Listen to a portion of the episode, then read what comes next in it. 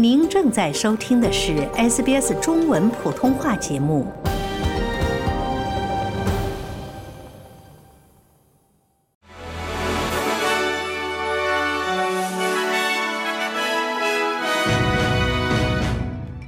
听众朋友们，下午好，我是 SBS 记者秋实。今天是二零二三年十月十九日，周四。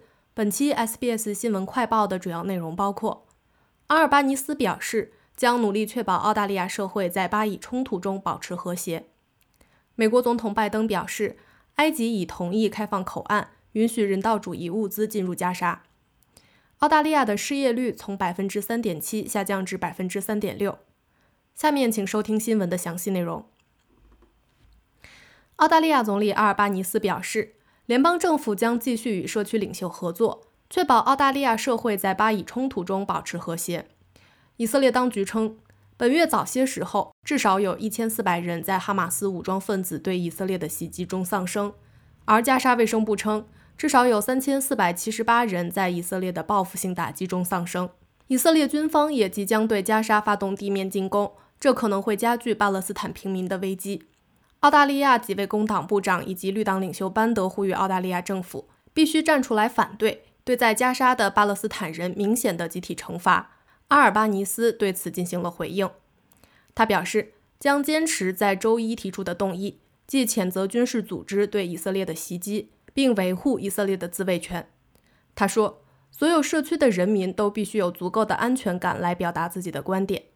我们需要确保澳大利亚是我们理想世界的缩影，确保不同信仰、不同背景的人能够共同生活在这个多元文化的社会中。这里容不下仇恨，容不下反犹太主义。也容不下对伊斯兰教的仇视。美国总统拜登已于昨日证实自己与埃及总统范西通过电话。埃及已经同意开放拉法口岸，允许大约二十辆运送人道主义救援物资的卡车进入加沙。此前，联合国曾表示，自巴以冲突爆发以来，加沙已有一百万人流离失所，无数人正在面临着食物、饮用水和物资的短缺。在美国结束访问以色列后。美国总统拜登在乘坐空军一号返回华盛顿的途中，向记者发表了讲话。他在讲话中声援以色列，并支持了以色列对在加沙发生的医院爆炸事件的说法。哈马斯公布的最新数据称，爆炸导致了至少五百人身亡。该爆炸是至拜登即将抵达以色列之际。拜登说，哈马斯将这次袭击归咎于以色列。而以色列则声称，医院是被加沙地带的巴勒斯坦伊斯兰圣战军事组织杰哈德的一枚发射失败的火箭弹击中的。拜登表示，重新开放埃及边境的协议是埃及总统塞西和以色列总统内塔尼亚胡进行直截了当的谈判后达成的。以色列政府则表示，这一决定是在拜登的要求下做出的。以色列不会阻止救援物资从埃及进入加沙，但他们不会允许这些物资落入哈马斯手中。随着越来越多的人返回职场，澳大利亚的失业率从百分之三点七下降至百分之三点六。根据澳大利亚统计局的记录，九月份新就业的人口增加了约七千人。尽管一连串的加息可能会影响到招聘节奏，但行业中对工人的需求仍然很高。财政部长查莫斯表示，政府对失业率和所创造的新岗位感到自豪，但他警告说。严峻的全球大环境可能会抑制这一好消息继续。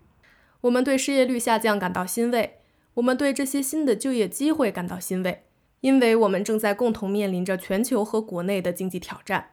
但是，因为利率上升、中国方面的隐患、欧洲发生的冲突以及现在的中东问题，我们预计失业率在未来仍有可能会上升。好了，感谢您收听本期 SBS 新闻快报。在任何播客平台搜索 SBS 普通话，点击订阅，开启消息提醒，即可了解澳洲国内外新闻及社区信息。